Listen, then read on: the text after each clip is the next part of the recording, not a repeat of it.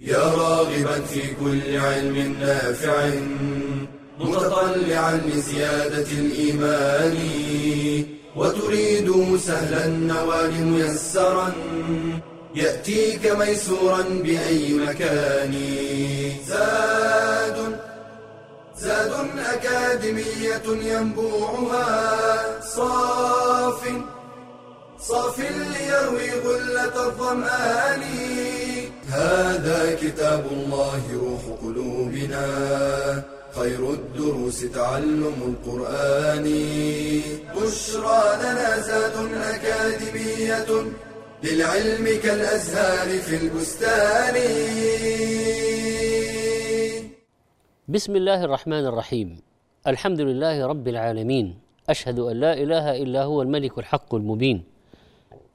وأشهد أن محمدا عبد الله ورسوله ونبيه الأمين صلى الله عليه وعلى آله وصحبه أجمعين. أيها الطلاب والطالبات والإخوة والأخوات السلام عليكم ورحمة الله وبركاته. وحياكم الله في هذا المجلس من مجالس التفسير. ومع الحلقة العاشرة من مادة التفسير في أكاديمية زاد ونحن في تفسير سورة النازعات. وقد مر معنا فيما سبق جمل من خطاب الله تعالى لموسى عليه السلام وتوجيهه له في دعوة فرعون. ماذا يقول؟ كيف يوجه الخطاب؟ نادى الله موسى في الوادي المقدس طوى اذهب إلى فرعون إنه طغى. فقل هل لك إلى أن تزكى؟ وأهديك إلى ربك فتخشى. بينا ما فيها من اللطائف والعبر والفوائد الدعوية والمضمون. وأن الله أعان أنبياءه على أقوامهم بأمور وهي المعجزات تثبت صدقهم ونبوتهم. حتى لو قال قائل وما هو الدليل على أنكم أنبياء؟ ما هو الدليل على أنكم مرسلون من عند الله؟ وهل كل من ادعى أنه نبي وأنه رسول سنقبل كلامه ولذلك في موضوع مهم جدا في النبوة والرسالة وهو تأييد الله تعالى لأنبيائه ورسله بالمعجزات والآيات الدالة الآيات الدالة على صدقهم وإنهم أنبياء فعلا من عند الله وأن الله أرسلهم. آه، التعبير أو اللفظ القرآني وكذلك في آه، أحاديث النبي صلى الله عليه وسلم آه، الآيات والآية. وبعضهم اصطلحوا على كلمة معجزة ومعجزات لكن اللفظ الشرعي في النصوص الآية والآيات. فقال تعالى فأراه الآية الكبرى. اذا امتثل موسى عليه السلام أمر ربه فذهب إلى فرعون ودعاه إلى الحق فكذبه فرعون فأخرج موسى عليه السلام الآية الكبرى وأراه إياها. ما يسميه البعض بالمعجزة والمعجزات ذكره الله تعالى في كتابه بالآية والآيات. وكذلك في الأحاديث النبوية اللفظه المستعملة الآية والآيات. فالله سبحانه وتعالى أيد أنبياءه بآيات تدل على صدقهم. فصالح عليه السلام مثلا جاء قومه بالناقة آية مبصرة ظاهرة بينة يبصرها كل أحد.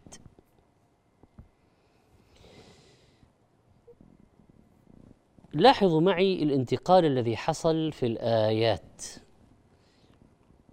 ناداه ربه بالوادي المقدس طوى. الآن خطاب لموسى عليه السلام. اذهب إلى فرعون إنه طغى. فقل هل لك إلى أن تزكى؟ وأهديك لا زال خطاب من الله لموسى أن يقول لفرعون. وأهديك إلى ربك فتخشى.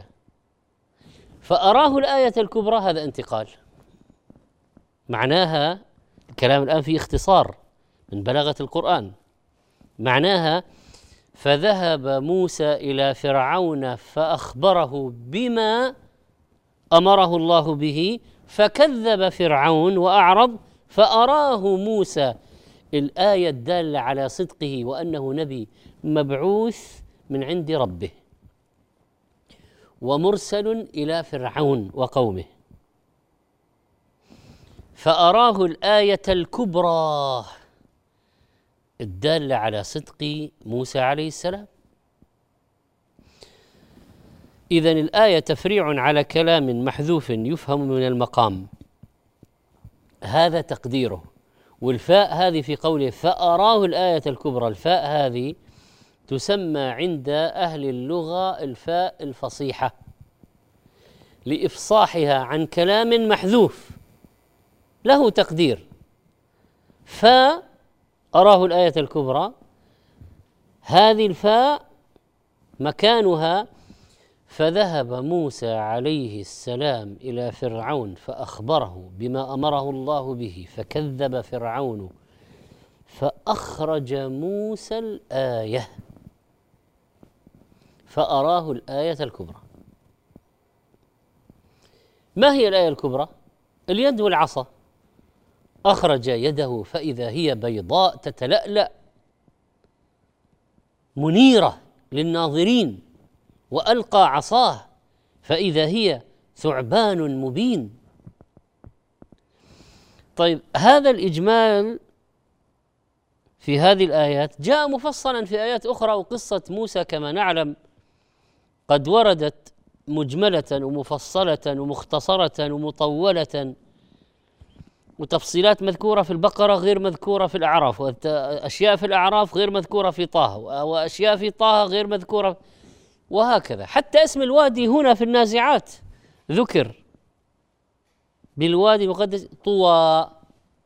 وما ذكر ما ذكر اسم الوادي في آيات أخرى في مواضع أكثر تفصيلا. إذا النظم القرآني هكذا. مواضع تفصل ما في مواضع. طيب في أي آية جاء تفصيل ما بين كلام موسى وإظهار المعجزة هذه؟ أو الآية البينة. قال تعالى عن فرعون قال يعني فرعون لموسى إن كنت جئت بآية فأت بها إن كنت من الصادقين. فألقى عصاه فإذا هي ثعبان مبين ونزع يده فإذا هي بيضاء للناظرين. إذا الآية الكبرى في النازعات مفصلة في آيات أخرى. منها قول فألقى عصاه فإذا هي ثعبان مبين ونزع يده فإذا هي بيضاء للناظرين. بيضاء من غير برص. لكن بالرغم من ذلك كله بالرغم من عرض الآيات على فرعون والآيات بينة واضحه ولا يمكن لبشر أن يأتي بها من عنده. وفرعون يعلم مقدرة سحرته. والسحرة يعلمون مقدرة أنفسهم. ما يصلون إلى هذا أبدا. بالرغم من أن الآيات بينة وكبرى لكن فرعون أيضا كذب وعصى. فقال تعالى فكذب وعصى. ماذا كذب؟ ما الفرق بين كذب وعصى؟ فكذب الخبر وعصى الأمر. فكذب الخبر وعصى الأمر. ولم يصدق موسى عليه السلام في أنه رسول من عند الله بل استخف به وشتمه. فقال لقومه يعني فرعون ان رسولكم الذي ارسل اليكم لمجنون. كذب الخبر وعصى الامر ولم يمتثل للشرع. الفاء في قوله تعالى فكذب بعد قوله فاراه. تدل على مكابره وعناد. لماذا؟ لأن الفاء تدل على السرعة. بخلاف مثلا ثم فيها إمهال. هذا الطاغية ما أمهل ما تمهل ينظر في الدلالة والأدلة ويتفكر على طول عناده وكفره وطغيانه حمله مباشرة على التكذيب. قبل أن يتبصر ينظر يتفكر شوف فأراه الآية الكبرى فكذب وعصى. على طول. ولم يكتفي بذلك. قال تعالى ثم أدبر يسعى. أدبر تولى وأعطى آه، المجلس كله وموسى عليه السلام وما جاء به أدبر أعطاه دبره وذهب. تولى يسعى. لمواجهة الحق يبذل جهده ويسعى في المحاربة ويفسد.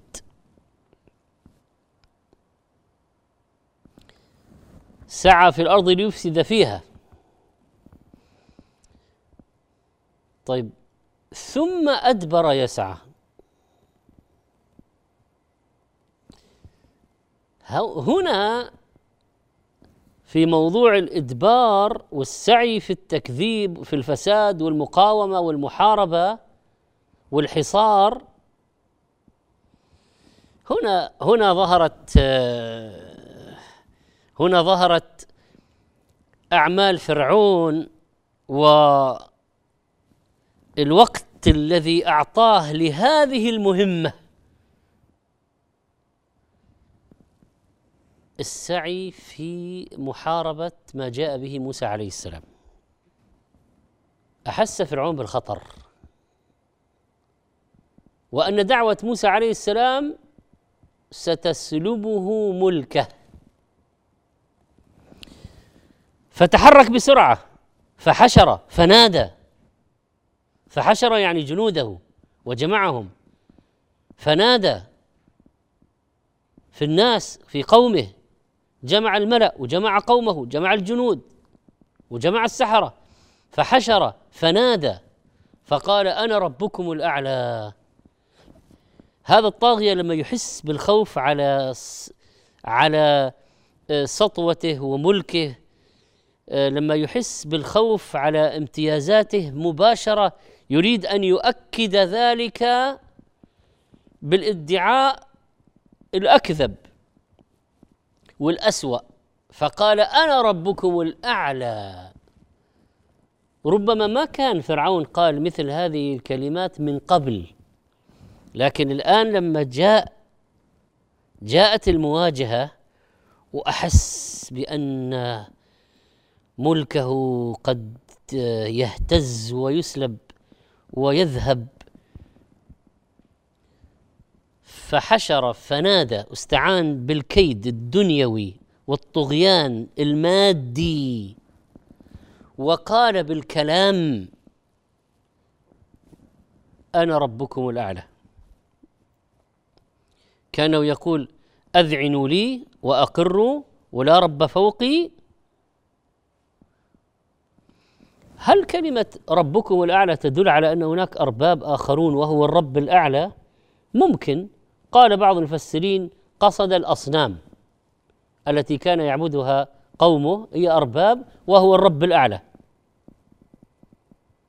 وإذا كان الملأ أيضا عندهم أنواع من الطغيان يمارسون بها ينازعون في صفات الربوبيه أيضا فهو رب السادة والقادة.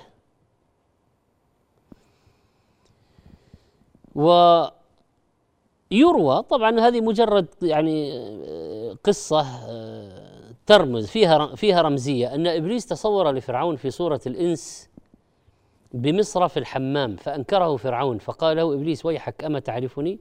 قال لا قال وكيف وأنت خلقتني ألست القائل أنا ربكم الأعلى؟ الشاهد يعني أن أن فيها حتى استدراج بل نوع من زيادة الإضلال من إبليس لفرعون. ما هي النتيجة؟ فأخذه الله نكال الآخرة والأولى. وصارت عقوبة عظيمة ومصيرا بينا انتقم الله تعالى فيه من فرعون انتقاما جعله به عبرة ونكالا لامثاله من المتمردين في الدنيا نكال الآخرة والأولى في الدنيا والآخرة. وقيل المراد بذلك كلمتاه الأولى والثانية ما علمت لكم من إله غيري وأنا ربكم الأعلى وقيل كفره وعصيانه. والصحيح الأول كما قال ابن كثير رحمه الله يعني نكال الآخرة والأولى يعني الدنيا والآخرة. وقال الحسن رحمه الله عاقبه الله فجعله نكال الآخرة والأولى أي في الدنيا بالغرق وفي الآخرة بالنار جعله الله نكالا. نكل به في الدنيا بالغرق وفي الآخرة في جهنم. نسأل الله سبحانه وتعالى أن يقينا الطغيان والبغي والظلم وأن يجعلنا ممن يخشاه إنه سميع مجيب.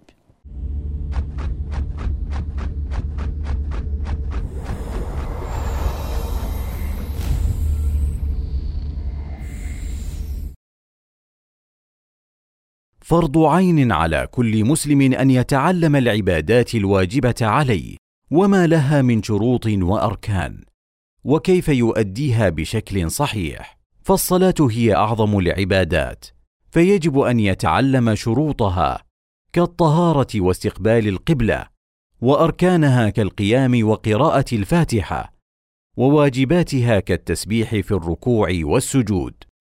ويتعلم أحكام سجود السهو إذ لا يخلو أحد منه وإذا كان من أهل الأعذار تعلم ما يرخص له في تركه وما لا يرخص له فيه. ومن العبادات إيتاء الزكاة فيتعلم شروط وجوبها كحولان الحول وملك النصاب.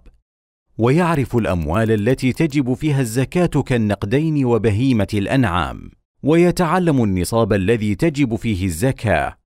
والمقدار الذي يجب إخراجه كربع العشر في النقدين وعروض التجارة. ويعرف من يستحق الزكاة ومن لا يستحقها ومنها صوم رمضان. فيتعلم أركان الصيام وشروط صحته وما يبطل الصيام كالاستقاءة والاستمناء وما لا يؤثر عليه كالسواك والطيب. ومنها حج البيت فيتعلم أركانه كالطواف والسعي. وواجباته كالمبيت بمزدلفة ورمي الجمار ويتعلم المواقيت الزمانية والمكانية ومحظورات الإحرام. فاجعل عباداتك خالصة لوجه الله صوابا على السنة. الذي خلق الموت والحياة ليبلوكم أيكم أحسن عملا.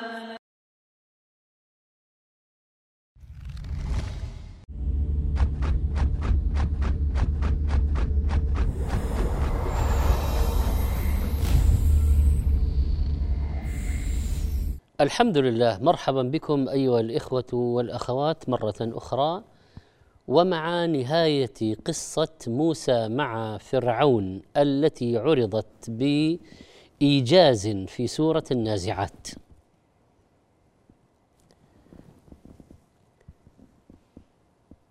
فأخذه الله نكال الآخرة والأولى. عرفنا قول الحسن وقتادة عاقبه الله فجعله نكال الآخرة والأولى أي في الدنيا بالغرق وفي الآخرة بالنار. وقد قال الله سبحانه وتعالى وجاوزنا ببني إسرائيل البحر فأتبعهم فرعون وجنوده بغيا وعدوا حتى إذا أدركه الغرق. قال آمنت أنه لا إله إلا الذي آمنت به بنو إسرائيل وأنا من المسلمين. الآن وقد عصيت قبل وكنت من المفسدين فاليوم ننجيك ببدنك لتكون لمن خلفك آية. في موضع آخر من الكتاب العزيز قال الله واستكبر هو وجنوده في الأرض بغير الحق وظنوا أنهم إلينا لا يرجعون فأخذناه وجنوده فنبذناهم في اليم. فانظر كيف كان عاقبة الظالمين. اذا النكال إيقاع أذى شديد على الغير.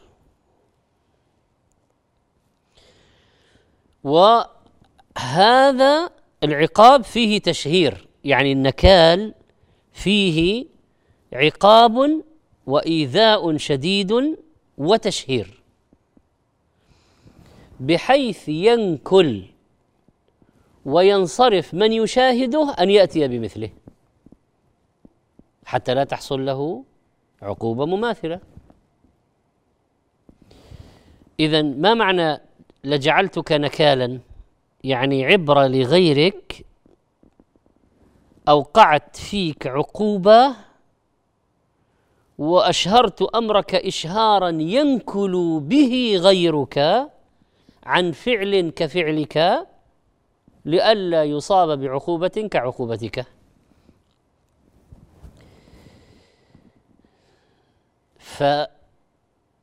فيرد من يشاهده عن أن يأتي بمثل ما عمل به المنكل به. ما حصل لفرعون في الدنيا هو نكال حقيقي. طيب وفي الآخرة لماذا أطلق عليه نكالا؟ لأنه يشبه النكال في شدة التعذيب. وقوله تعالى إن في ذلك لعبرة لمن يخشى أي ما أصاب فرعون وجنوده فيه عبرة وفيه مثل وفيه موعظة لمن يأتي بعده.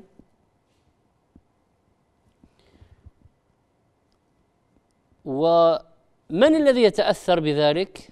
أصحاب الخشية. إن في ذلك لعبرة لمن يخشى. أما الذي لا يخشى لا يعتبر ولا يتأثر. ويقول آه هذاك فرعون وأنا غير. اذا ما حدث لفرعون موعظه لمن يتعظ ويخاف عقاب الله. من الذي ينتفع بالآيات والعبر؟ أصحاب الخشية. من الذي إذا نظر في ما أصاب فرعون اتعظ؟ أصحاب القلوب الحية.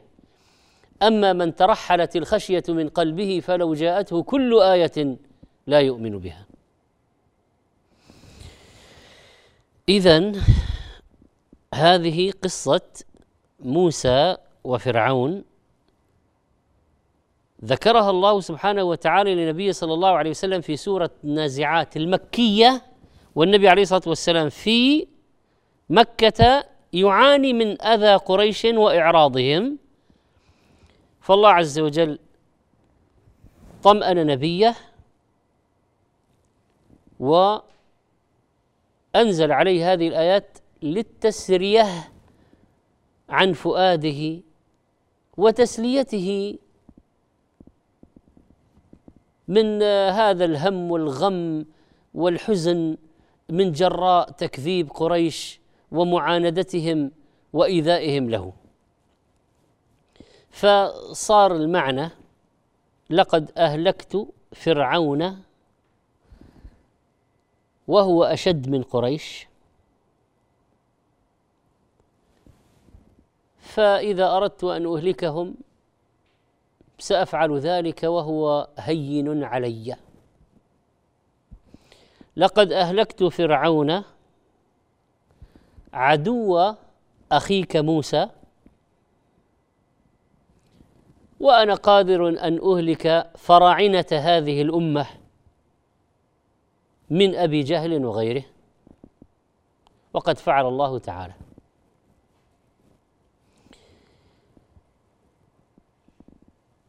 هذه الآيات في آه، موسى وفرعون جاء بعدها آيات فيها تكملة العبرة والاتعاظ أأنتم أشد خلقا أم السماء بناها؟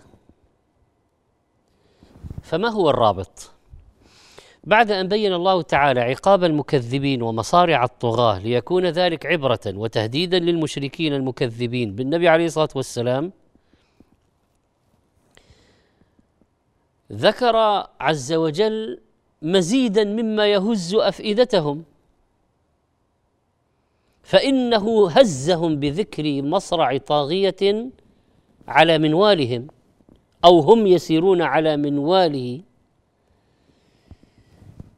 فذكر بعد ذلك أنه بنى السماء التي هي أشد منهم ومن فرعون. يبين قدرته ويعود الكلام إلى موضوع البعث الذي فتح في أول السورة. وقد قالوا أئنا لمردودون في الحافرة. واستبعدوا البعث. وأنه من المستحيل أن تعود الحياة إلى الأجسام البالية والعظام النخرة فبين لهم دليلا واضحا لا شك فيه في إمكانية البعث وسهولته على الله. فقال أأنتم أشد خلقا أم السماء؟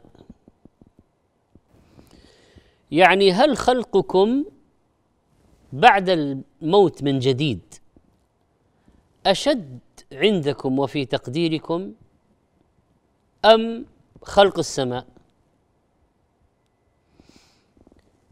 الجواب السماء. كما قال تعالى لخلق السماوات والأرض أكبر من خلق الناس ولكن أكثر الناس لا يعلمون.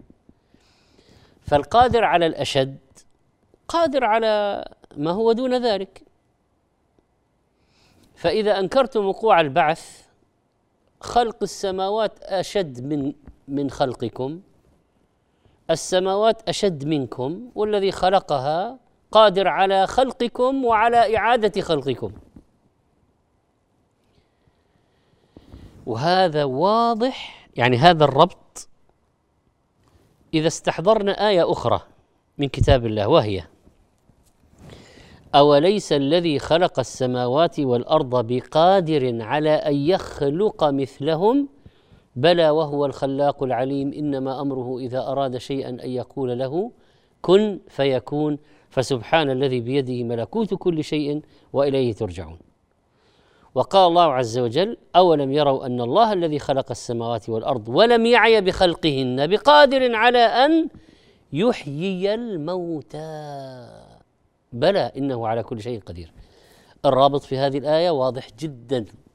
أولو أو ألم يروا أن الله الذي خلق السماوات والأرض أأنتم أشد خلقا أم السماء؟ بناها.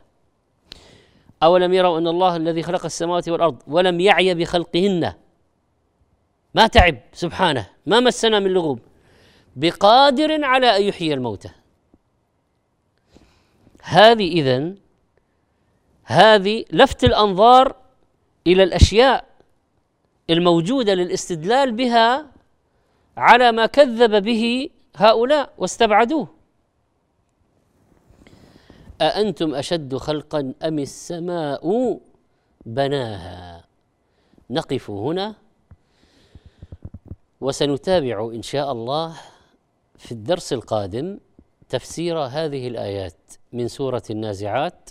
أسأل الله سبحانه وتعالى أن يكتبني وإياكم من أصحاب القلوب الحية وأن يجعل القرآن العظيم ربيع قلوبنا